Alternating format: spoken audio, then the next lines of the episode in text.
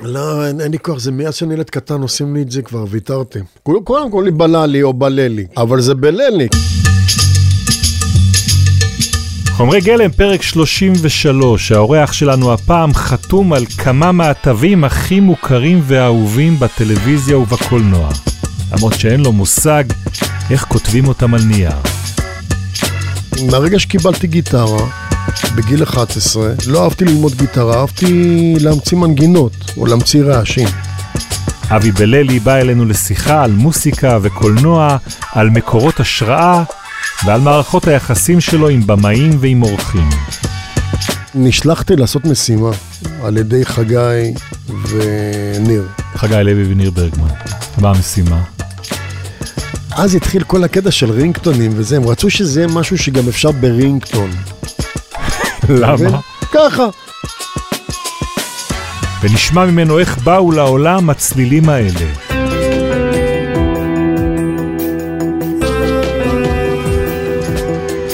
הפתיח המזוהה כל כך, שהלחין לסדרה בטיפול.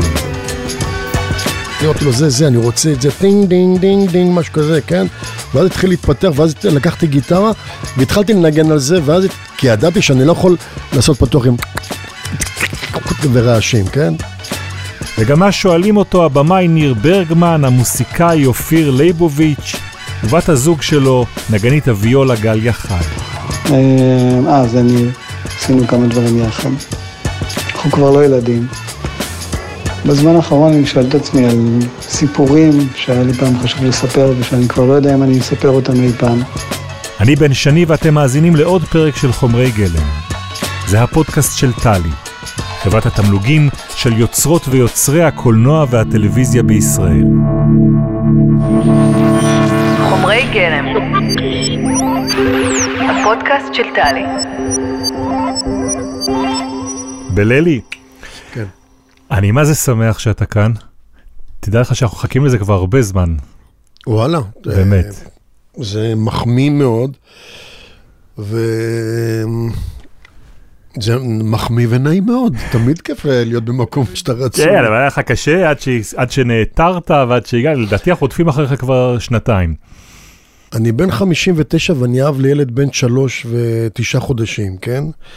זה לא טבעי בגילי אה, להיות אבא, ואני כבר אבא פעם שנייה, זאת אומרת, יש לי סיבוב קודם, ילדים גדולים. אבל כשאתה... כשאתה בא לילד קטן, אתה מת לחזור הביתה כל הזמן, ואתה נורא דואג, מה שנקרא זמן איכות, אתה לא קורא לזה זמן איכות, אתה פשוט רוצה להיות איתו כל הזמן.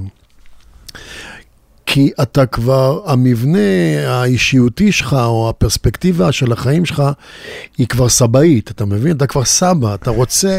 ככה אתה רואה את עצמך? אני לא רואה את עצמי, אני בן 59, בגיל הזה חברים שלי סבאים, אתה יודע, הם לא סבאים, אתה יודע... סבאים מגניבים. זה גיל שכבר הילדים... שאפשר להיות, כן. כן, שהילדים שלך כבר יש להם, אתה יודע, הבת שלי בת 26. היא לא עושה לי הסבה לסבא עדיין, אבל אה, אתה יודע, אני הגעתי לזה שפתאום יש לי ילד אה, צעיר וקטן, ו...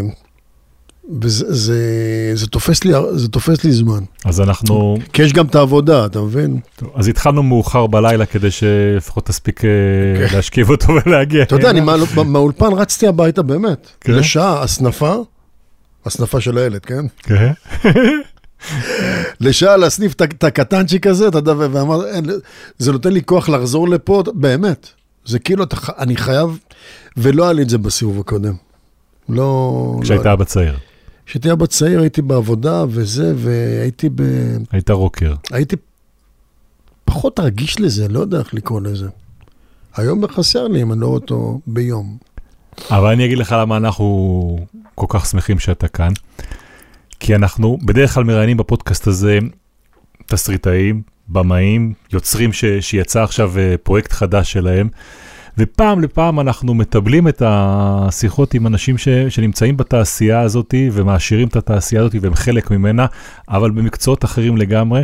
ו, ומההתחלה, כש, כשסימנו אצלנו כמה אנשים שאנחנו רוצים להביא אותם, שאמרנו שאנחנו רוצים להביא אותך, אבי בללי, הבנתי ש, שלתואר מוזיקאי אתה מתנגד. כן, כי אני אסביר לך. זה לא שאני מתנגד, אני, אני, זה כמו הפרשיית בללי שהתחלנו, כן? ויתרתי, למה? כי בגדול אומרים את המוזיקאי, אז אני אומר כן, אבל אני לא מוזיקאי, אני לא רואה בי מוזיקאי. לא רואה בעצמך מוזיקאי. כן, אני לא רואה את עצמי כמוזיקאי. ואז אומרים לי, אבל אתה עוסק במוזיקה, ואז זה סוגר עליי, זה, זה נכון. השורה התחתונה, אני עוסק במוזיקה, אני מוזיקאי. אבל תמיד אני מגדיר את עצמי כ... כשדכן צלילים. זה דבר שאני, למה? אני לא כותב, אתה יודע, אני ראיתי סרט על אניו מוריקונה אה, לאחרונה. אתה יודע, בן אדם מקבל תסריט, מדברים איתו, אומרים לו, ההוא הלך מפה לשם, ואז הם מתים, ואז הם חיים, ואז הוא שם כובע של קאובוי, והוא רושם בעט תווים, אתה מבין? זה מוזיקאי, הוא שומע את המוזיקה בראש, וכותב תווים, והדברים אה, צוברים תאוצה, רוקמים עור וגידים, כמו שאומרים, ונהיית יצירה.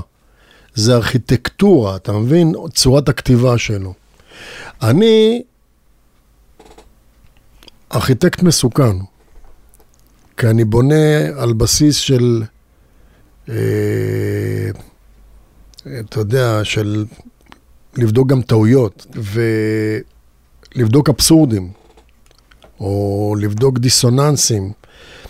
כי אני לא יודע, אני לא יודע מה, אני, אני, אני רואה תמונה ואני מנסה לתרגם, ואני תמיד שואל אותי, למה צריך מוזיקה? כאילו, למה צריך מוזיקה בכלל? בתוך סרט. כן, ל- ל- למה צריך? ל- אני צריך להצדיק את ה-Q המוזיקלי, או את ההצעה המוזיקלית שלי, שהיא נותנת תמיכה לסיטואציה ומעלה את זה לאיזה מקום נוסף, מלבד שיש מוזיקה. אז יש מוזיקה אחלה, אבל היא צריכה להיות שם, היא צריכה, אם לא להיות נוכחת, היא צריכה להיות מאוד, אה, אה, איך אני אסביר לך, מנומקת לתמונה שאתה רואה ולאווירה שאתה נמצא בה ברגע הצפייה. אתה צריך להרגיש אותה נורא. לא לשמוע אותה, להרגיש אותה. ואני חושב שמוזיקאים טובים, גם אתה שומע את זה, וגם מרגיש, אתה יודע. בוא נגיד, ברור אתה שומע את זה, יש ולהרגיש, כן. אני רוצה, אבל ש- מה שאנחנו נעשה, ש- שבאמת נדבר ונבין גם את המסלול שאתה עשית אה, כיוצר בעצמך, למישהו שהפך להיות אחר כך אה, אה, אחד המוזיקאים הכי עסוקים בארץ בכתיבה אה, לקולנוע וגם לדברים אחרים. וגם שתספר באמת על הקשר אה, שלך עם במאים, איך אתה עובד בעצם על יצירה, איך אתה עובד ואיך אתה כותב מוזיקה עבור אה, תמונה.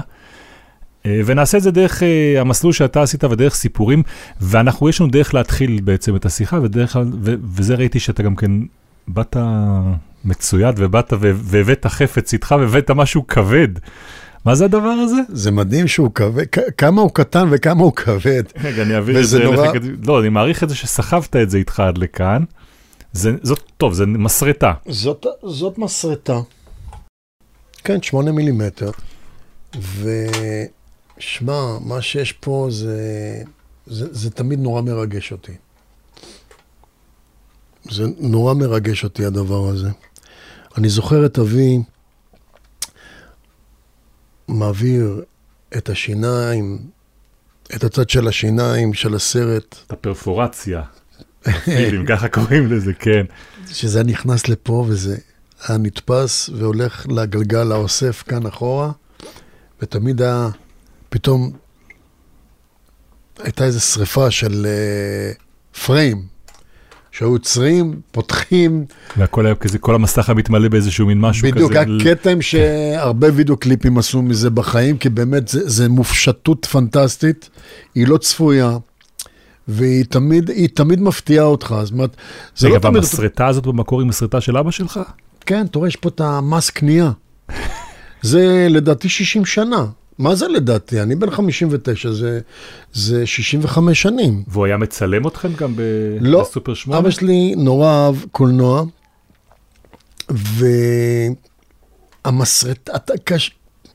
אם המסרטה הזאת יכלה לדבר, אתה יודע כמה סיפורים, איזה סיטואציות. אחת הסיטואציות היפות זה שאני הייתי ילד בן חמש, זיכרון ראשון שלי זה, אני זוכר הייתי בגן מסוים בשכונה, זה גיל חמש, עד גיל שמונה, זאת אומרת, זה היה שלוש שנים לפחות שהמצלמה, אני זוכר אותי אה, מחכה לסרטים שביום שישי הוא היה מביא מרחוב בית השואבה באלנבי, אחרי זה היה שם לגו, אם אתם זוכרים.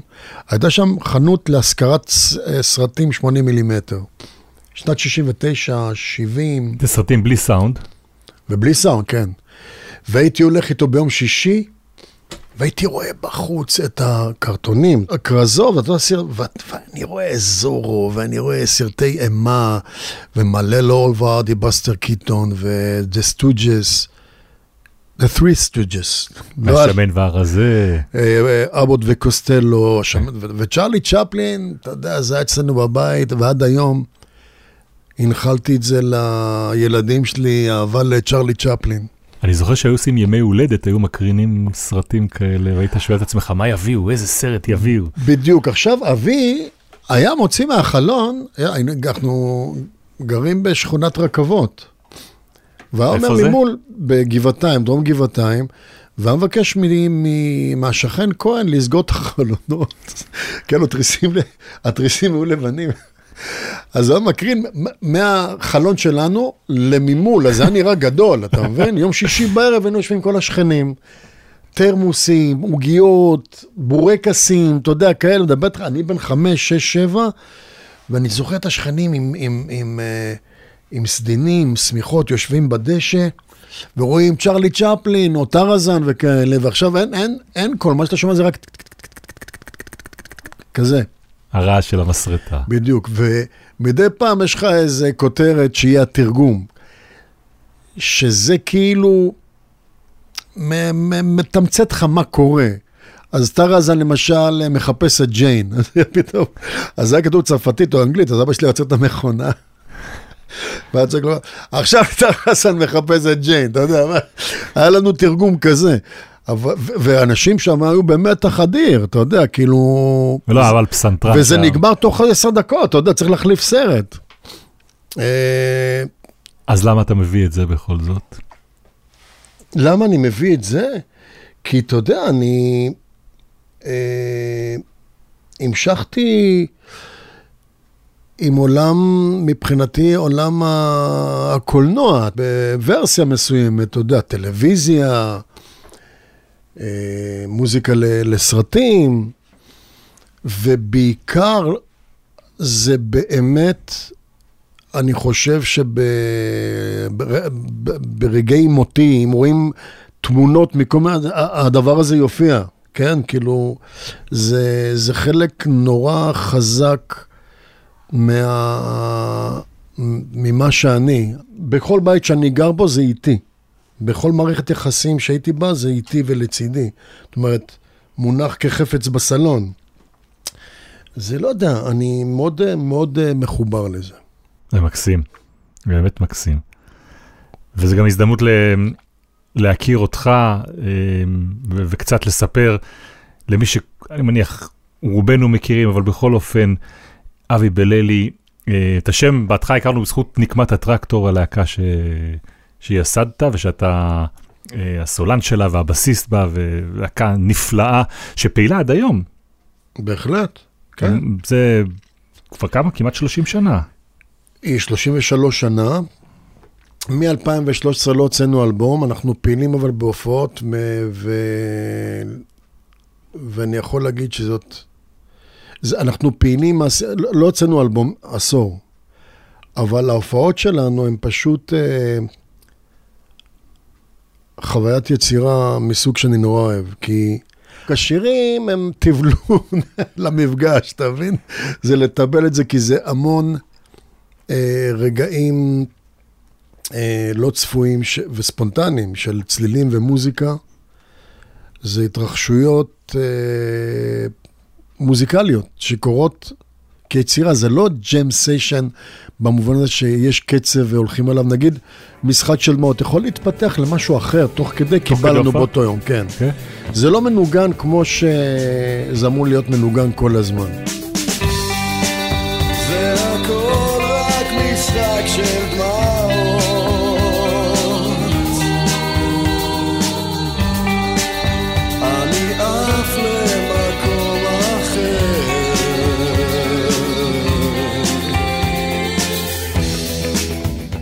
עכשיו, לא כל שיר ושיר, אבל יש שם איזה משהו שנורא מספק אותנו יצירתית על הבמה.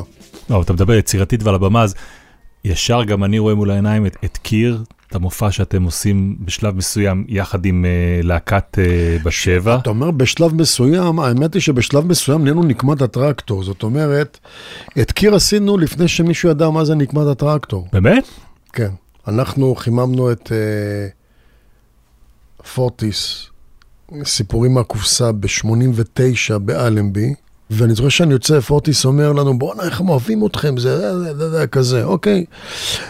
ולמחרת בבוקר היה טלפון מבת שבע, שרוצים לפגוש אותנו, מישהו שם ראה אותנו ואמר, ואז אתה יודע, אוהד נהרין, אה, לא היה אוהד נהרין, בת שבע לא היה בת שבע. היה בת שבע, אתה יודע, שבאים איזה קבוצת מנויים לס, אה, לראות הופעות. אה, אוהד נפגש איתנו, וגם עם עוד כמה להקות, ולשמחתי בחר בנו. אה, עכשיו, לא, כמו שאמרתי, זה, זה לא שידענו מי זו, יואו, יש לנו פגישה עם אוהד נהרין. או הוא אומר, וואי, נקמה טרקטור, מעניין. אף אחד לא יודע, כאילו, רק הוא, מישהו המליץ עלינו, והוא אמר לנו שיש לו רעיון לעשות משהו טיפה אחר עם להקת בת שבע, כדי להוציא את זה מהמקום הקונבנציונלי, השמרני, אה, ש... שנקרא מחול. ואז אתם עומדים שם למי שלא זכה לראות את המופע המדהים הזה, אתם עומדים שם, יש איזושהי מערכת של פיגומים כזאת, נכון? כן. שאתם עומדים שם ומלווים למעשה את כל אה, מופע הריקוד הזה, שאתם על הבמה ומנגנים תוך כדי. אה, כן. ואז אוהד אומר, אני רוצה הופעה, הופעה חיה של אה, נגנים ועל הבמה, ובשבילנו זה בא, וואו. כאילו אמרתי, רגע, רגע, אתה יודע, זה a dream come true. אחד מי יודע, אחד אני יודע, אחד אלוהינו, אלוהינו, אלוהינו, אלוהינו, אלוהינו, שבשמיים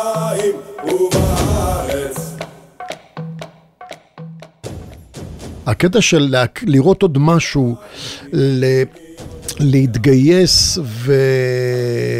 ולהשתדך לעוד מדיומים, אתה יודע, במה, מחול, בן אדם, צל, משהו שנותן לך עוד מימד לצליל. הוא היה דבר בשבילנו נורא, נורא, אה, אה, באתי להגיד חזק, אבל לא, זה היה עניין של תשוקה, אה, לפגוש את הרגעים של הקסם האלה. זה מקורות ההשראה. אלה מקורות ההשראה, ואז ש... איך הגענו לזה? שאוהד פתאום שומע אותנו מדברים על מייקל קלארק שעבד עם דה פול. להקת פוסט-פאנק, כן, שנורא אהבנו, איך הגענו ל... למייקל קלארק? לא בגלל שאנחנו כאלה מעודכנים במחול, פשוט אהבנו אותו, ואז ראינו שהם עושים מחול, ווואו. ואותו דבר דויד ביירן מ Talking Heads שעבד עם טווילה טארפ, האמריקאית, עשו את Catherine's uh, Wheel. יצא האלבום הזה ואני רואה תמונות של רקדנים, ואני שומע מוזיקה, אז אלבומים, אתה יודע, תקליטים, שאתה יכול לפתוח ולראות את, ה, את הסיפור הבימתי בסטילס. כמובן שראיתי את זה אחרי זה בווידאו ונורא התאכזבתי, דרך אגב. לא, מפ- אבל זה מדהים שאתה אבל אומר... המוזיקה שם מטורפת. הייתי יכול לחשוב ש, שמישהו שנמצא בשלב הזה כ...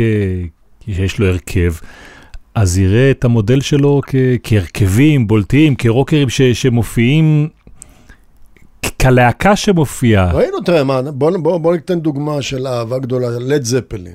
אני זוכר שהלכנו לראות את משאלת מוות, סרט עם צ'ארלס ברונסון, כי פייג' עשה מוזיקה, אתה מבין? המפגש של מוזיקאים אז עם, עם, עם, עם כמו שאמרתי, מדיומים נוספים, הוא, הוא היה דבר נורא מסקרן, את האמנים ואת הקהל. מה הם, אתה קולט, ג'ימי פייג' עשה מוזיקה לסרטים. אבל אני רוצה שנשלב כמה קולות של אנשים מבחוץ, אנשים שעבדו איתך, עובדים איתך בממשקים כאלה ואחרים, שביקשתם מהם להפנות אליך שאלות. והראשון מתחבר בדיוק לדבר הזה שמספר עליו, וזה אופיר. אופיר? כן, ש... אופיר ליבוביץ', השותף שלך בנקמת הטרקטור, ובעצמו כותב uh, מוזיקה ל- לסרטים ו- ולטלוויזיה, כן, מוזיקאי מדהים, כן. ונשמע מה שהוא רוצה לשאול אותך. היי בלל, אני בטוח לא צריך להגיד לך מי מדבר. אה, אנחנו בצעירותנו תמיד הקשבנו והרצנו מוזיקה שהייתה פחות פופולרית לסביבה שלנו, הרבה יותר ניסיונית. איך אתה מתרגם את ההשפעה של זה על כתיבת המוזיקה לסרטים שאנחנו כותבים? אה, אני ואופיר חברים מגיל 17, זה כל כך הרבה שזור ביומיום שלי ובשגרת עשייה שלי, שלו, שכאילו צמחנו יחד, אתה מבין? כל הזמן ההתעסקות שלנו עם דויד ברן ועם דה פול, אלה דברים שעיצבו אותנו. אופיר ואני בשיח מתמיד, גם גרין, מהלהקה, כן? מת... היינו חבורה כזאת של אה, תרבותניקים כאלה, אתה מבין? יוש- יושבים, מדברים תרבות כל היום. בואנה, ראית איך הוא עושה ככה כשנכבה האור, ו- ואיך נוזל שם, איזה נוזלת טיפה ופוגעת במים, ויש אדווה ויש צליל, אתה יודע, כאילו, זה היה מרגש אותנו, זה היה מרגש אותנו אה, יצירתיות עם סביב, אינטראקציה סביבתית, עם אלמנטים, עם אנשים. איך מגיע החיבור לקולנוע? אה, אני יכול להגיד לך שאחד מהדברים שהכי השפיעו על אופיר ועליי, למשל, זה אני זוכר, זה היה, וואו, זה הפיתוי האחרון של ישו. שאת הפסקול כתב פיטר גבריאל, עוד אלילי שלנו, כן? מהתקופה ההיא. הלכנו לראות את ברדי, כי היה כתוב פיטר גבריאל, יש מוזיקה שם, אתה מבין? זאת אומרת, כל הזמן אה, פגשנו דברים שעוררו בנו אה, דמיון ותשוקה ליצור אותם גם. אה, זה, זה, זה, הרגשנו שם פוטנציאל אדיר לממש יצירתיות של צלילים, לא רק בתור שיר. אני לא songwriter, אני כמו שאמרתי, אני, אני, אתה יודע, אני אני לא יודע איך נראים תווים, אף פעם לא למדתי מוזיקה. אתה לא יודע איך נראים תווים? לא, יודע איך נראים, אני לא יודע מה קורה, מה, מה, לא יודע- עושים איתם. אתה לא יודע לכתוב ולקרוא תווים? אם תראה לי תווים, אני אגיד לך, זה תווים. אבל אין לי מושג מה, מה זה אומר. לקרוא תווים? אין לי מושג. אני יכול, אקורדים, אני יודע ש-E ו-A, אתה יודע, אני יודע מה לעשות עם זה, אבל אבל נורא אתה- לאט. כשאתה נורא- כותב שיר, כשאתה כותב... אה, אני לא יודע, אני, אני לא יושב וכותב על איך אתה מתעד את זה? בזיכרון. היום בכלל זה יותר נחמד, כי יש לך אייפון. אם יש לך משהו שאתה מאוד, אה, וואו, וואו, בואנה, צריך לזכור את זה, אז אתה שם את האייפון, זה כיף. פעם היה לי אה, ווקמן, אבל לרוב, ווקמן מקליט, שהייתי כן. לזכור, לזיכרון דברים. אבל אה, זה מדהים, אתה יודע, אני, מהרגע שקיבלתי גיטרה, בגיל 11, אה, לא אהבתי ללמוד גיטרה, אהבתי להמציא מנגינות, או להמציא רעשים. אתה יודע, כאילו, לא ידעתי עוד לנגן. ו... ואז הלכתי לשלושה חודשים, למדתי מוזיקה קלאסית, כאילו נגינה קלאסית, ולא הצלחתי, נפלטתי מזה כמו מכל מערכת אה, חינוכית, או מכל מערכת שקוראת לעצמה מערכת. הרשימה של הסרטים שהיית מעורב בהם, באמת, אני אזכיר רק אה, אולי כמה מהדברים אה, אה, שעשית. את אה, כנפיים שבורות של אה, ניר ברגמן, את אה, מוזיקת הפתיחה של בטיפול של אה, חגי לוי, את ילדי השמש של אה, רן טל, המוזיקה למדריך למהפכה של אה, דורון צברי, את המוסיקה שמלווה את, אה, אה, את הסדרה שטיסל, שגם עליה זכית, בכל כל הדברים שאני אומר, זה או פרס אופיר או פרס אקדמיה, אה, יש את אה, בוקר טוב אדון פידלמן, שזה הפרס של פסטיבל ירושלים. מתי אתה עושה את השידוך הזה לעבור מה... מההופעות על במה ל- לעבוד על אה, קולנוע? אני, אני, אני לא עשיתי כלום, באמת. כמו שאומרת דליה רביקוביץ', אני שום דבר לא עשיתי, אני רק הסתכלתי בחלון. זה מה שקרה. דברים קרו, אתה יודע מה, בוא נתחיל הרבה אחורה. גם אני חושב שאם אופיר וגרין לא היו חברים שלי, אני חושב שהייתי עובד היום בעבודות מזדמנות, לא יודע במה. בזכותם נהיה נקמת הטרקטור. אני לא עשיתי כלום, ואני אומר באמת. אני זוכר שעשינו סקיצות ואני הייתי המוביל. תן לי לכתוב ולעשות ולפנטז ול, ולברבר ולדבר, אני מעולה. אבל מה עושים אחרי זה, אין לי מושג. אה, אותו דבר עכשיו, הקלטתי אלבום, אה, אבל, אבל הוא כמעט ולא יצא, עד שלא בא חבר בשם ישי אמיר ואמר לי, שמע, תוציא את זה. אתה יודע, אם הוא לא היה בא, זה לא היה יוצא. אז האלבום החדש שלך, כן. הוא לא שיוצא יוצא. ממש בימים האלה. יוצא מחר אה, שיר ראשון. שיר מקסים, שם המהגר. אני נבוך, אני כאילו יוצא ערום לרחובות. אוהבי, לאן לאן תוביל אותי? מחוץ לשסע בני, מחוץ לדם, רחוק מנגע רוע ומנקם. הרבה ימים והדרכים סגורות כולן, ואין אדם. הבט קדימה בני, הבט ישר, עוד מעט הכל נגמר. רק עוד לילה ואולי עוד יום נפקח עיניים מהחלום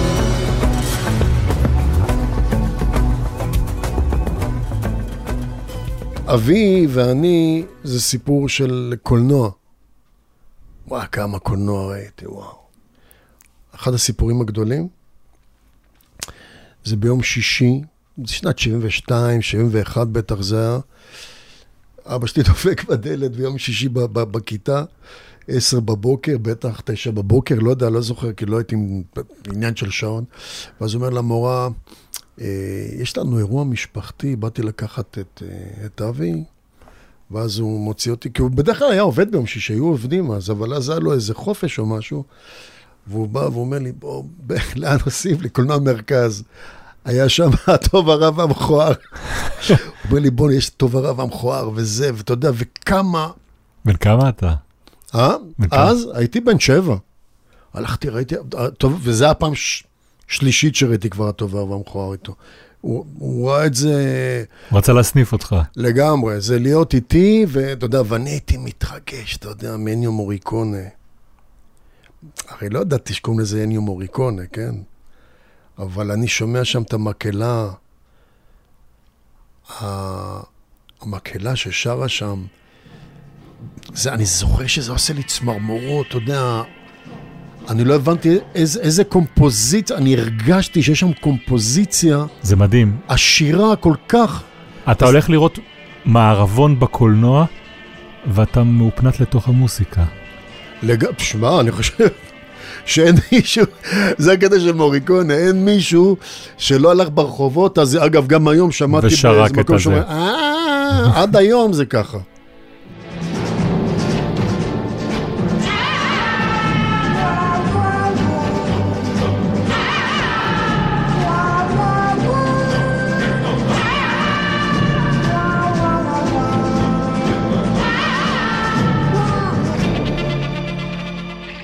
מי הראשון שמבקש ממך לעשות את זה לקולנוע? ניר ברגמן, שמתקשר אליי ואומר לי, יש סרט שנקרא, יש לי תסריט, כנפיים שבורות, אפשר להיפגש, לדבר. ראיתי גם, בת שבע, שמעתי מוזיקה שלך, מאוד מעניין אותי, נראה לי, הוא מדבר איתך עוד בשלב התסריט? כן, כן. עוד אין צילומים. עוד לא היה צילומים אפילו. הם התחילו לצלם ועצרו, אתה יודע, זה היה כזה... הוא התחיל אז לצלם, אבל זה לא היה גם, הוא לא ראיתי רף קאט או משהו, הוא הביא לי תסריט. עשינו דברים נפלאים ביחד אה, עם ניר. ניר, אה, אתה יודע, אחרי זה פנה אליי לבית טיפול ולהוציא את הכלב. מה הבנת כשהתחלת לעשות מוסיקה לסרטים? תראה, קודם כל, אה, מההתחלה הבנתי שזאת, אה, שזה חיבור נורא חזק שלי. זאת אומרת, אה, אני אוהב לפצח את זה. צריך לפצח סרט, צריך לפצח רעיון, אתה יודע, כי אתה יכול, אתה, אתה, זה נורא קל לעשות מוזיקה לסרט שאתה מוזיקאי. אתה יכול לעשות צלילים, פה הוא עצוב, פה הוא... העניין הוא לפצח, להמציא פטנט מסוים. אה, ופטנט, אני קורא למשל בטיפול. שזו מוזיקת הפתיחה שכל כך מזוהה איתך. אה, נכון, נכון, זה, אה, זה מזוהה איתי, ו- ו- ו- ושותף לי, אני, אני, הייתה לי השראה נורא גדולה שם ממישהו שהיה טכנאי שלי, והוא בעצם מוזיקאי גדול, רועי ירקוני. זה התחיל נורא במקרה כל הדבר הזה, ו... והצלחתי לגבש את זה לפתיח. הרגשתי מה אני רוצה מזה. אה, אתה אבל- יודע מה סוד הקסם של בטיפול?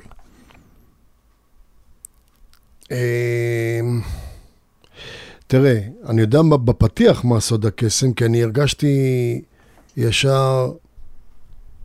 תראה, קודם כל נשלחתי לעשות משימה על ידי חגי וניר, חגי לוי וניר ברגמן. בדיוק, היוצרים. מה המשימה? אז התחיל כל הקטע של רינגטונים וזה, הם רצו שזה יהיה משהו שגם אפשר ברינגטון. למה? ככה, אתה יודע, זה, זה נראה, נשמע היום נורא פרימיטיבי, נכון? אפילו. אבל אז זה היה נראה... אה? נכון, פעם אנשים היו בוחרים לעצמם שהטלפון יצלצל ב... כן, טוב, אז זה היה נראה חשיבה של שיווק. וגם לי, אתה יודע, זה היה חדש, כל ה... כי אז היו טלפונים עם צלצולים, ואז פתאום אתה יכולת לקנות רינגטון, זה היה חדש. ואם יש לך רינגטון של הסדרה, אתה יודע, והיה, וזה קרה. זוכר שאני הולך ברחוב, אני שומע טים דאו דאו. היה, כן. היה תקופה חזקה של זה. כאילו הצלחתי לבצע, לעמוד במשימה. קראו לזה הפסיכולוג. קיבלתי תסריטים, הפסיכולוג. לא קראו לזה בטיפול, קראו לזה הפסיכולוג. ועוד לא צילמו כלום. ודיברנו, אומרים, לא יודעים איזה מוזיקה, לא יודעים צריכים מוזיקה בכלל, צריך פתיח, ואולי גם בתוך זה נשים מוזיקות. הם לא ידעו, אבל הם הרגישו שמשהו נחוץ שם אולי, לא יודע מה. וגם אני אמרתי, אתה בא לטיפול, אתה יודע, מישהו מספר לך, אני מרגיש ככה, אז אין צלילים, אתה יודע, כאילו אין סיטואציות כאלה. מה אתה עושה עם זה? כאילו, זה שיחות אישיות. ולא היה, לא היה פורמט כזה לפני. לא היה פורמט של יושבים בחדר. גם כשדמיינו את זה, זה קליניקה, אדם יושב מול אדם, הם לא מטיילים, אתה יודע, נוף, צליל. הנוף הוא החדר, ו... ומה, תשים מוזיקה שם? לא יודע. התשובה היא לא יודע, לא יודעים. ואז ראיתי נוירונים, חשמל, תמונות של uh, נימים בראש, אותות חשמליים. זה מה שעובר לך בראש, אתה בא לכתוב? כשאני קורא, אתה יודע, קורא, אתה יודע, פסיכו... שמתי פסיכולוגיה. אה, מה שמתי שם? חרדה. מה, נכנסת בגוגל לחפש? כן, כן, לראות כן. מה עולה כן. כשאתה כותב את המילות קוד האלה. כן, כן. חרדה, אה, חלום, אה, מצב נפשי אה, במוח, מצב נפשי במוח, כל מיני כאלה. ואתה יודע, זה, אתה מתחיל to explore, אתה יודע, ואז אתה מגיע לתמונות על מוח. אתה רואה את אה, חשמלים במוח, אתה מתחיל לגלות דברים שאתה... אולי אתה יודע, אתה יודע, אנחנו יודעים נורא בקלילות, אבל, אבל זה לא, אבל כשאמרו לי טיפול פסיכולוגי, לא חשבתי נוירונים, לא חשבתי חשמלים ולא חשבתי אלק, אלקטרונים? לא היה לי את המושג הזה. ואז התחלתי לעשות עם הכבל רעשים, אתה יודע, ברמה של הכי ילד שרוצה לפצח, אומרים לך חשמל, מה זה עושה לך? אתה יודע, לקחתי כבלים וזה... כזה כאלה. ואז אמרתי, יהיה מעניין בתוך כל הרעש הזה לנגן. ואז אה, אה, אמרתי, ל... היה לי שיחה עם, אמרתי לך, הקלידן, הקלידן שהוא היה טכנאי שלי, עם הצ... התחלנו לחפש צלילים, אמרתי לו, זה, זה, אני רוצה את זה, טינג, דינג, דינג, דינג, משהו כזה, כן? ואז התחיל להתפתח, ואז לקחתי גיטרה, והתחלתי לנגן על זה, ואז, כי ידעתי שאני לא יכול לעשות פתוח עם ורעשים, כן? ואמרתי, נשתמש, ועד היום, וזה נשאר שם, התחלנו ל- ל- ל- למנמל את זה, כמו, כמו שאומרים, לימינציה, כן? אם אני עכשיו אשים את הפתיח, זה נשמע את זה.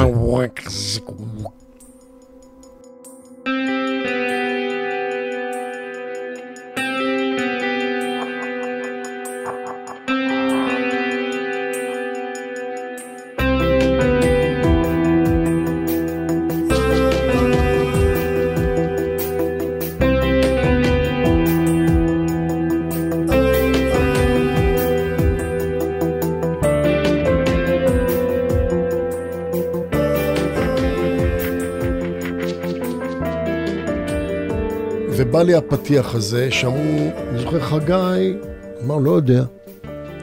וניר ברגמן אמר, שמע, זה זה. אני מרגיש, באמת, אני זוכר את הסיטואציה. הוא אומר, זה זה, זה, זה, זה, זה, אבל זה הפתיח. עכשיו, מה קורה עם המוזיקות שמדברים? זה... קראתי את התסריט, ואתה יודע, בדרך כלל אני לא מחזיק מתסריטים, אני אגיד לך למה. כי אתה יכול לקרוא תסריט נפלא, ואתה מגיע לבמאי לא נפלא. אתה מבין מה אני מתכוון? או לעורך לא נפלא, זה- יכול ליפול בדרך בהמון תחנות. אתה יכול לקרוא את זה, ואתה, ואתה יודע, זה כמו לקרוא ספר טוב נגיד, אתה, קורא, אתה מגיע לסרט וזה לא קורה, זה לא קורה. ותסריט קשה לקרוא, לי, לי קשה לקרוא, אני לא יודע איך שאר האנשים, אבל מצאתי את עצמי צולל, בתסריטים של בטיפול. כן. אמרתי, מה, את מי זה מעניין? כאילו, בהתחלה, אני הייתי ככה אתמול, ואתמול, ופתאום, טוויסט. אחרי, בוא נקרא לזה מבחינת הקורא הפרימיטיבי שבי, אחרי שתי דפים, טוויסט. אתה מבין? אחרי שלושה דפים, טאק, אתה בא ואומר, יו, יו, רגע, רגע, מה קרה פה, אתה מבין? ואתה נכנס פתאום, אתה קורא תסריט, אתה קורא את התסריט, ואתה אומר, וואו, הם יודעים לכתוב תסריטים האלה, או שאני אוהב תסריטים, אתה יודע, פתאום היה שם איזה משהו שנורא הניע אותי. ו... והבנתי שזה צריך להיות נורא מינימליסטי. וקיבלתי מתנה, חלמתי על חברה שלי שנפטרה באותה תקופה, חלמתי עליה. והיא הופיעה לי באורות פלורסנטים כאלה, מה שנקרא. לא מוארת, זוהרת, אבל בכל מיני... ואני זוכר ש... אה, אתה יודע, זה מסוג, בטח לכל אחד יש את זה, סוג חלומות שאתה לוקח איתך יומיים שלושה, שהם יושבים עליך, והחלום הזה גר איתי איזה שלושה ארבעה ימים, והוא לא רק גר איתי, היה לו תדר. וכל מה שומעים בטיפול זה התדר הזה. זה פתאום, שלחתי להם את ה... את כל ה... אתה יודע, דברים שהם, אני, אני ראיתי קווים, אני גם נורא ויזואלי ב, כשאני מנגן או שאני מנסה צלילים, אני יודע שאני, אני אומר, תעשה קווים, תעשה עיגולים? יש לי איזה משהו ויזואלי שמלווה אותי, מכוונן אותי לאיך לנגן את זה. כי אני נגן נורא לא טוב, לא גיטרה, לא בס, לא, אני לא יודע לנגן טוב. אתה. במובנים של מקצוען, גיטריסט, אתה יודע מה אני מכוון? אני לא מנגן טוב, אבל, אבל אין מישהו שמנגן כמוני, אתה מבין? אני מנגן אותי. זה אין מישהו שיכול את הקול שלי. אני מנגן אותי, כאילו, זה, זה דבר כל כך מטופש, שה, שהגיטריסט המצוין לא יצליח לעשות, כי זה נורא מטופש. או שהוא יהיה נבוך לעשות, לא יודע מה. אז אתה יודע, אז אני גם, אה, אבל אני, ב- במובן טכני, אני נגן לא טוב. אז אני, אבל יש לי משהו, כמו שאמרתי, ה visual האלה, ב, ב, ש, זה, זה visual תחושתי כזה, שמוביל אותי להביע צלילים. כשאתה אומר לעצמך קווים, עיגולים, ככה אתה... קווים משולשים, לפעמים, אתה יודע, זה זה יכול להיות מים, וזה יכול להיות בן אדם הולך. אתה יודע, זה תלוי איך בתת מודע, עם מה אני מתעסק, עם איזה סצנה, או עם איזה, אה, איזה משימה אני רוצה לבצע עם זה. אז גם ניר שלח לך שאלה, ניר ברגמן. או, אבי, מה נשמע? מה שלום החתול? אתה מאכיל אותו או שאתה מריץ אותו? תגיד את האמת. מה רציתי לשאול אותך? אה, אה, זה ניר. עשינו כמה דברים יחד. אנחנו כבר לא ילדים. בזמן האחרון אני שואל את עצמי על סיפורים שהיה לי פעם חשוב לספר ושאני כבר לא יודע אם אני אספר אותם אי פעם. ושאלתי את עצמי אם יש לך גם שירים כאלה, שאתה יודע שנמצאים בתוכך, אבל אתה לא יודע אם הם אי פעם יצאו. זהו, ביי חמודי. אם יש בי שירים שנמצאים בתוככי ואני יודע שלא יצאו, כן. בטח, יש מלא. על מה?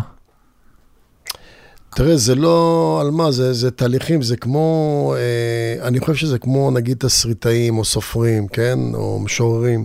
הם כותבים משהו, זה בסיסי מדי, אה, ומשאירים אותו, ואו שזה נולד יום אחד, או שלא. לרוב זה לא. הרבה, הרבה מאלה שאתה שם בצד, לרוב זה לא, אבל... אבל גם. בתור אדם יוצר, אני יכול להגיד, הרבה פעמים יש דברים שאתה יודע שמלווים אותך הרבה זמן, אתה אומר, יבוא יום ש, שאני ארצה את זה לעשות, זה הסרט שאני עוד רוצה לעשות אותו ועוד לא עשיתי אותו. שאלה אם יש שיר כזה שאתה יודע שאתה רוצה עוד להוציא ולא הוצאת אותו. היה כזה. והוא עכשיו יוצא על אלבום, היה 15 שנה הוא איתי. 15 שנה. היה לי תקופה, איזה תקופה בחיי, שנורא אהבתי להתמודד עם אקספרימנטים על במה. כאילו, לקחת את הגיטרה, אה, עם עוד מישהו שאני בוחר, ומה יוצא אני מרוצה. והייתי עושה הופעות כאלה. כאילו, וזה היה מעניין. נורא אהבתי את הסכנה הזאת, את החרדה הזאת. אה, היו גרעיני רעיונות, רעש כזה, רעש כזה, אבל אתה לא יודע, זה כל פעם משהו אחר. אז... אה, ושם נולד לי פתאום קטע שעכשיו הוא נקרא זמן עורב. לא יודע, פתאום אני שמע את עצמי, פתאום, פתאום, פתאום בלי כל סיבה נראית לעין. אתה יודע, שרתי את עצמי. ונהיה מזה שיר, אני אומר, וואלכ, הדבר ההוא שאז אני חייב לעשות איתו משהו. אז uh, סימנתי אותו והוא יצא. אתה יודע, זה אה, מדהים, אתה לפעמים שומע מוזיקאים מדברים, והם מספרים על איזושהי מלודיה שיש להם בראש ומחפשים זה, ואתה מדבר על רעש, אתה מדבר על קולות, מדבר על צלילים, מדבר על דברים מאוד בודדים שאתה מחבר אותם. יש לזה סיבה? Uh, כן, אני אוהב מארגים, אני אוהב טקסטורות. אבל בוא נחזור ל... לקולנוע. תיארת קודם את העבודה על בטיפול, שהפתיע אותי שזו עבודה כבר משלב התסריט. איך אתה עובד היום בדרך כלל סרטים? אתה מקבל אותם כבר עם איזושהי מוסיקה, איזשהו רפרנס שמישהו שם, או שאתה כותב... אה, כן, מה- תראה, אה, אני מביאים רפרנסים. אתה יודע, לפעמים יש כאלה... אין לי אגו אה, מספיק גדול בשביל להגיד, אה, בבקשה, בלי רפרנסים. אני לא נמצא... זה נחמד לי שיש רפרנסים. אתה יודע, לפעמים, כאילו, כדי להבין את הראש של הבמאי, כי... כי בארץ תמיד באים אליך בדקה ה-90. מהמם. תמיד באים אליך של... אה, מתי צריך להיות מוכן אתמול. אתה מכיר את ה... בטח. שהבדיחה הזאת לא מצחיקה. כאילו, תן, תן, אתה יודע, תן, תן, תן לחקור, תן, תן, תן להיכנס, תן לצלול, תן, תן לגלות, כי, כי לעשות מהר מוזיקה זה אפשרי, אבל זה ייקח אותי לדויד לינץ', שאמר משפט נורא יפה, גם מאזן, שהוא אומר יצירה, יצירה היא כמו דייג, כן? אתה יכול ללכת פה ברדודים, לזרוק חכה ולהביא כל מיני דגים נחמדים. אבל הדגים האלה תמיד קטנים, הקרובים. הם קטנים ורזים. הוא אומר, אם אתה תיקח סירה ללב ים, אתה תעבור גלים ואתה תעבור בחילות ואתה תעבור... אבל אתה מוציא שם דג אחר. ככל שאתה נוסע רחוק יותר, מהמם. אתה מוציא דגים שמנים יותר, בכל המובנים. מעניינים יותר, שלא ראית גם. אז המסע החיפוש הזה הוא חלק שחסר לי נורא ב... בתרבות העשייה הישראלית, או נקרא לזה, כן? כי כשבאים אליך ואומרים תעשה... אין, אין, ס- אין, אין כמעט פרויקט שלא באים לך אומרים אה, תוך אה, חודשיים, שלושה. אמ, ואז איך אתה מתחיל? אני מגיב בצורה הכי פשטנית בהתחלה אה, לתמונה, אבל יש שלב אחד לפני שאני בדרך כלל, זה, זה השתנה אצלי לאחרונה, אבל היה לי תקופה שהייתי רואה סרט, אה, ואז כמו חיבור, כשעושים ילדים חיבור, מה ראיתם? הייתי עושה מוזיקות, שקש, שלדעתי קשורות רגשית, וזה עבד לי תקופה מסוימת. ומשהו שם קרה לאחרונה, זה לא קורה לי כל כך. אני צריך להסתכל על תמונה, יותר קל לי עכשיו, על התמונה של הסרט עצמו. כן, על לראות, אותו לראות, קטע? סיט, לראות סיטואציה.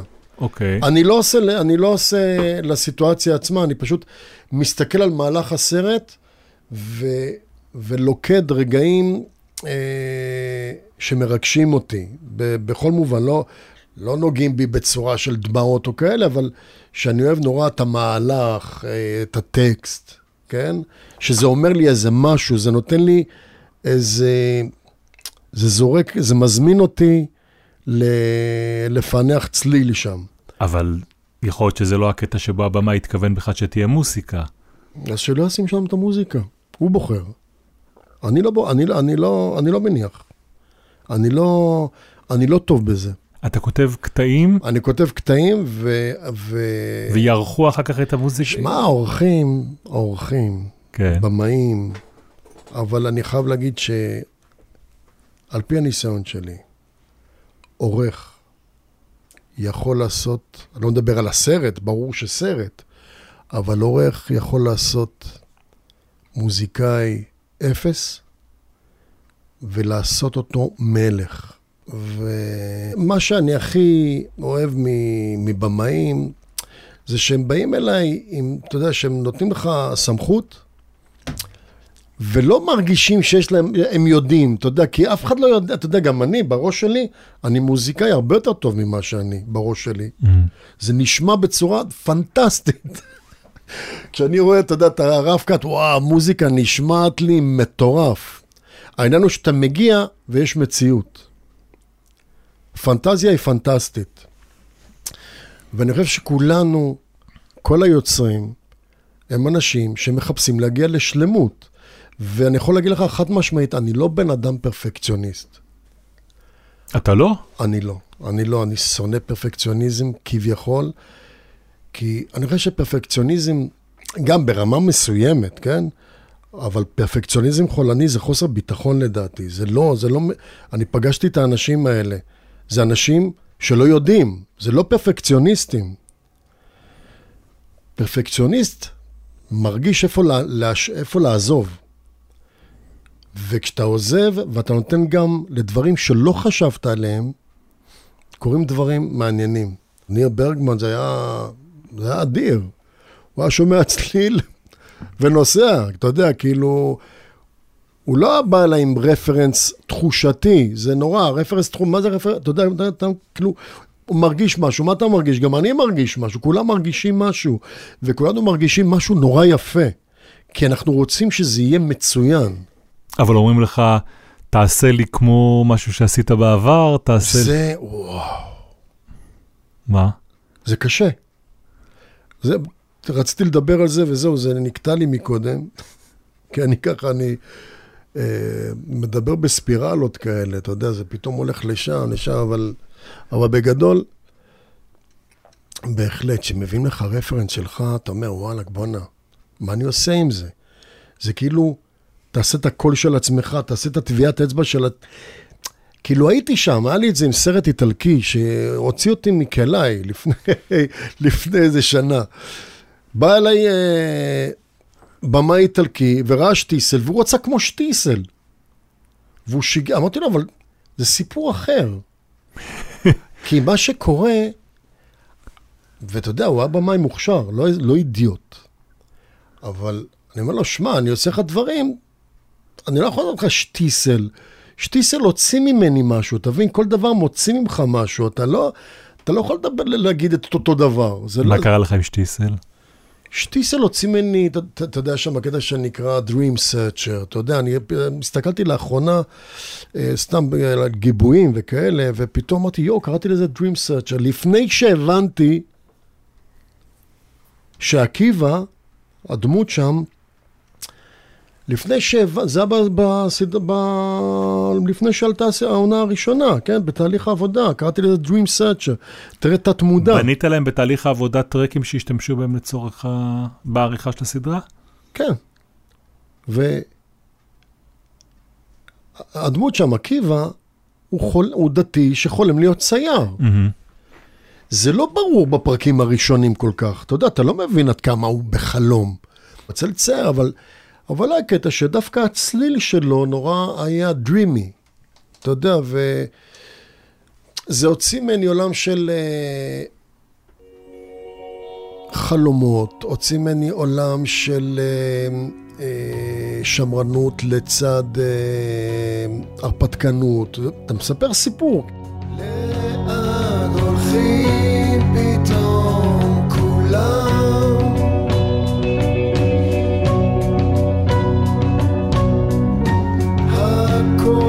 נסוג ונעלם. אתה מנסה למצוא את הסיפור של הצלילים שלך. ואתה רוצה שבמאי יגיד לך באיזה כלי נגינה להשתמש? לא, לא, לא נראה לי יש מוזיקאי שיבוא אליו מוזיק... אה, זה יגיד לו, תשת... תראה, אתה יכול, אתה יודע, זה, זה יכול להיות... תראה, זה תלוי איך אתה מציג את השאלה. כי כשאתה אומר לי ואני אומר לא, אז אתה יודע, זה כאילו בא במאי ואומר, תעשה לי מוזיקה עם גיטרה, וזה יכול להוציא אותך מהכלים. אבל כשבא הבמאי ואומר, אתה יודע, אני נורא אוהב נבל. אתה יודע, זה פותח לך, אתה, אתה לא חשבת על נבל, אתה אומר, וואלה, מעניין למה הוא מרגיש נבל. אז אתה פונה לשם, אתה מנסה. ו... אז, אז כדי לתקן את התגובה שלי לשאלה שלך, כי זה לא, אתה יודע, כי כשאתה אומר, אה, זה לא לבוא למוזיקאי ולהגיד לו, תעשה לי מוזיקה עם זה, בסדר? להתראות. זה לא יעבוד. אבל אתה יודע, שיש שיחה עם במאי, אה, אתה יודע, ראיתי את הזה, יש שם איזה צליל כזה, אתה יודע, אז כן, זה, זה פותח לך את ה... ומי האיש שאתה יותר עובד איתו, הבמאי או העורך? העורך, בדרך כלל. עורך.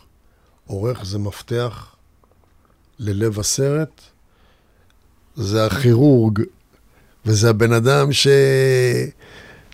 אתה יודע, אני חושב שם אחריות אדירה לעורך. אה, עורך יכול, אה, זה, זה, זה יכול ליצור פרשנויות, ועורכים טובים עושים סרטים טובים, אני, אתה יודע, למזלי, תראה, אני מעט מאוד, לא, לא, לא יודע אם נפגשתי בכלל בעורכים לא טובים, כי אני, למזלי, גם במחול, התחלתי, אתה יודע, בפיצוץ גרעיני, עם, עם נקמת הטרקטור ובת שבע. התחלנו במהפכה, אתה מבין? לא פחות ממהפכה. Mm-hmm.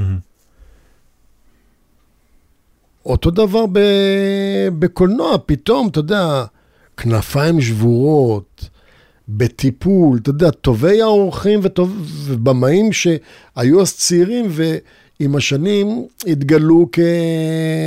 תראה, אני, אני, הדברים האלה, אני שותף לנקודות ציון בתרבות הקולנוע הישראלי. אתה יודע, אם זה כנפיים שבורות, אם זה אה, בתמרות עשן, אם זה בטיפול, אם זה שטיסל. וזה בקולנוע, ואני לא מדבר על המחול, שוב, כן? תחשוב, זה, זה המון, זה המון להיות בארבע כאלה שהם נקודות ציון. אתה יודע, מי שבתעשייה מבין על מה אני מדבר. אלה רגעים בקולנוע של החזרת האמון, קראו לזה, ל, ל, ל, לתחום הזה. בטיפול, נהיו סדרות טלוויזיה פתאום, לא היו סדרות טלוויזיה, לא, לא כאלה. שלא לדבר על המכירות הבינלאומיות. בדיוק, פתאום HBO, פתאום זה. וכשמוכרים את זה, משתמשים באותו פסקול? לצערי, אה, השתמשו רק בפתיח. אני כבר, אתה יודע, ראיתי משאיות של דולרים מגיע, מגיעות לארץ. אתה יודע, שאמרו לי HBO, אמרו לי, וואי, בלה לי אמריקה. אתה מבין? כזה, כמו הגשש, ורסנו, אמריקה. ואתה מדמיין, וואי, אמריקה. ואז אתה קולט, שקודם כל קנו את הרעיון, הרי לא, לא לקחו את הסדרה as is, כאילו לקחו את הרעיון של בטיפול. את הפורמט. בדיוק, לקחו את הפורמט, ו... ואיגוד המוזיקאים לא, לא, לא אישר להשתמש במוזיקה ישראלית להפקה אמריקאית. האיגוד האמריקאי. כן. אבל בישראל בטח אין, אין איגוד גם. אם יש איגוד גם, הוא לא יעשה את זה, אתה יודע, כי אין לו, זה, זה איגוד עם שיניים כן. חזקות מאוד. ו... לש... אתה יודע, הבמאי אה, אחרי מלחמה ארוכה, זה. זה אחד הבמאים של... אה, אה, Six Feet Under? עמוק באדמה. אחד הבמאים שעבד שם ו... והוביל את זה. הבמאי הזה מאוד רצה את המוזיקה שלי לשם, הוא חשב שהיא, שהיא פשוטה ונכונה, כאילו שהיא עושה את העבודה. ו... והוא לא יכל ל... לאיגוד, אבל אמר להם, אבל את הפתיח אני לא מוותר. על הפתיח אני רוצה שזה יהיה הפתיח. אמרו לו, אוקיי, הפתיח, אבל לא, לא נגן ישראלי מנגן אותו. אז מנגנים אותו אמריקאים נורא, בצורה נוראית לדעתי. לקחו את... ו- ו- כן, אני שומע, אתה שומע מישהו מנגן את זה, אתה זה, זה דומה, אבל uh, כמו שאמרתי בהתחלה, אף אחד לא יודע לנגן, לא לא יודע לא לנגן כמוני, אתה מקווה, כאילו, לא יודע לא לדעת לנגן כמוני. והעובדה ששטיסל משודרת ככה בכל העולם, מביאה אליך גם תגובות מכל העולם? וואו. שמע, תגובות, זה כל יום. כל יום. זה כל יום, מאז שזה עלה, זה כל יום, יש לי Bandcamp כזה, כשעשיתי לפני איזה חמש שנים. כל יום אני רואה צ'יצ'ינג, מה שקוראים לזה צ'יצ'ינג, אתה יודע, אה, כמה דולרים כאלה שקנו את השיר הזה, או את האלבום שטיסל.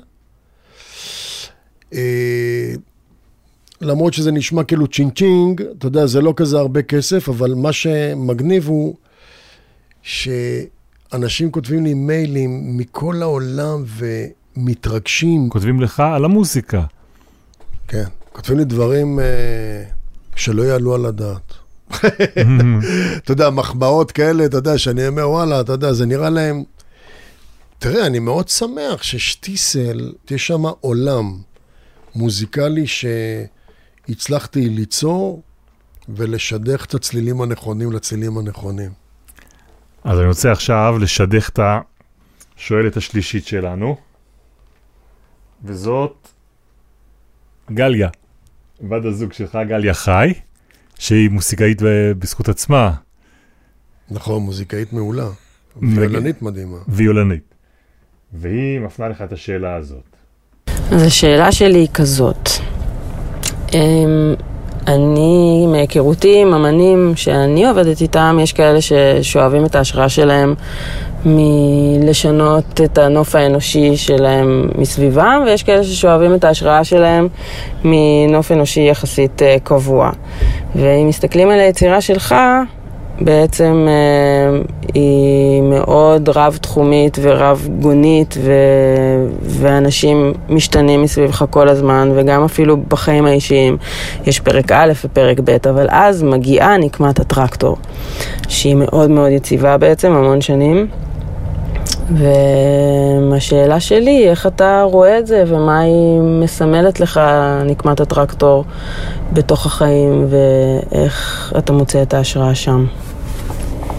נקמת טרקטור זה בית שאתה, שאני אוהב אה, תמיד אה, ליצור בו. ההופעות שם, המפגש שלנו הוא מפגש נורא יצירתי ויצרי. זאת אומרת, יש שם משהו יצרי על הבמה, זה לא מת. יש יחסים מוזיקליים בין כולנו, כל אחד יש לו מה להגיד, ותחשוב איזה מוזיקאי הם, אופיר, גליה, ירקוני זה מוזיקאי גאוני, ואביב מתופף אה, מדהים, אתה יודע, שעובד עם המון אומנים. זה קבוצה שמביאה השראה, זו קבוצה שמביאה השראה. בעצם אני די שמרן במבנה האושיות המוזיקליות שאני עובד איתן, ולאחרונה קצת מנסה לערער את זה, כי אני אומר לעצמי, וואלה, ואני שמח על האלבום הזה, שלקחתי נגנים אחרים, אתה יודע, וזה הביא אותי לנוף אחר לגמרי, זאת אומרת, אה, אני לא יודע אם זה טוב יותר או טוב פחות, אני לא מתעסק עם זה. אני יודע רק דבר אחד, שהוא אה, מרענן ומסקרן אותי. ובשבילי זה טוב. אז אנחנו לקראת סיום, תמיד שואלים אה, את האורחים שלנו שתי שאלות. הראשונה, אם היית עכשיו יכול לתת עצה למישהו שהולך לעשות מסלול דומה לשלך, אבל נמצא בתחילת הדרך. מוסיקאי שהולך לכתוב מוסיקה לסרטים, או בכלל אה, תסתכל בעיניים על, על איזשהו תלמיד או על מישהו כזה, איזה עצה היית נותן? קודם כל לסמוך על מה שאתה מרגיש, כן? כ, כמבצע, כנגן. אמ, דבר אה, נוסף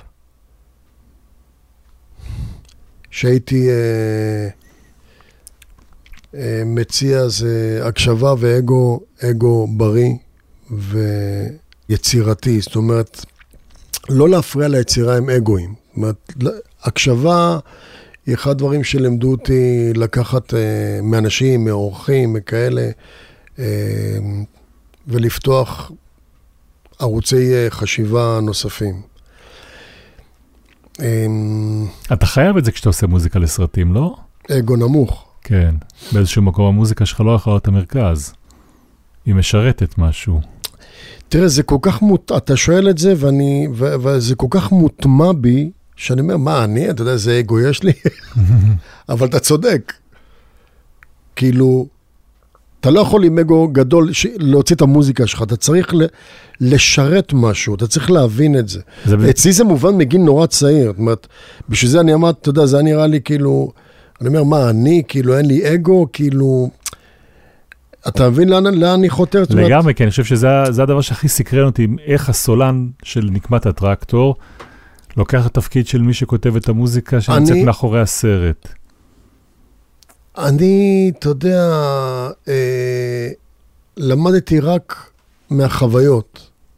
ראיתי סרטים והקשבתי לצלילים. השאלה האחרונה שאנחנו שואלים כאן כל אורח, אם היית יכול עכשיו אל עצמך לחזור, לחזור לעצמך למקום מסוים, כדי להגיד לעצמך שם משהו, לאן היית חוזר ומה היית אומר? זה דבר שאני, למרות שאני חושב עליו הרבה, מה הייתי אומר לאותו אה, בלילי צעיר, כן?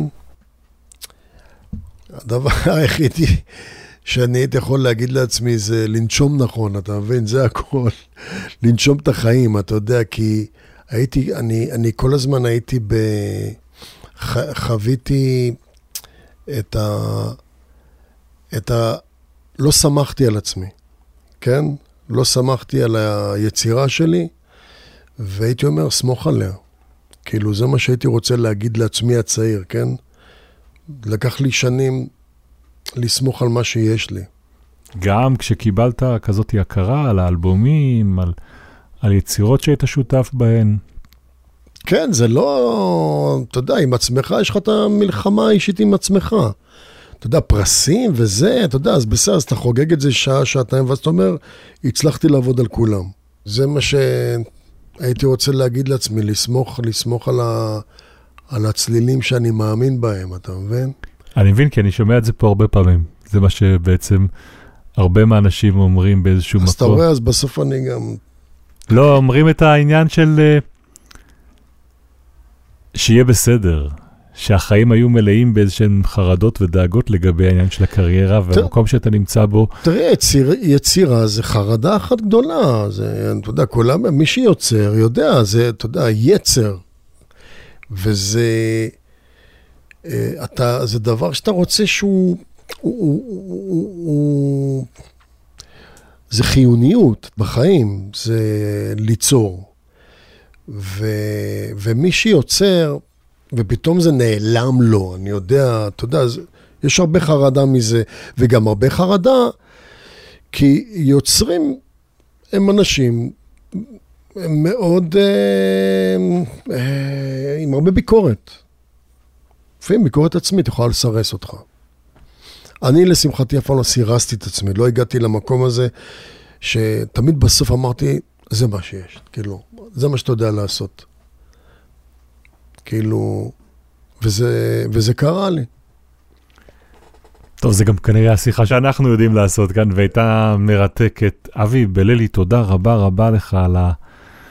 על השעה הארוכה הזאת איתנו. היה תענוג לשמוע אותך. אה, גם לי, גם לי, תודה רבה לכם, לכל הצוות פה. היה תענוג להיות איתכם. ונמשיך uh, לשמוע, וגם תקליט חדש, אלבום חדש. נכון, המאגם. אז זה עוד לא היה לנו. מישהו שמגיע לפה עם אלבום חדש, וגם על זה תודה רבה רבה. תודה לכם, תודה רבה. זהו, זה הגלם שלנו להיום. את הפודקאסט שלנו עורכת דפנה יודוביץ'. ערך את הסאונד יונתן שני. חומרי גלם זה הפודקאסט של טלי, חברת התמלוגים של יוצרות ויוצרי הקולנוע והטלוויזיה בישראל. את הפרק הזה ואת כל הפרקים הקודמים שלנו אפשר לשמוע בכל אפליקציות הפודקאסטים. חפשו שם חומרי גלם. בקרוב נחזור לכאן עם גלם חדש, ועד אז ממני בן שני, תודה לכן ולכם על ההאזנה.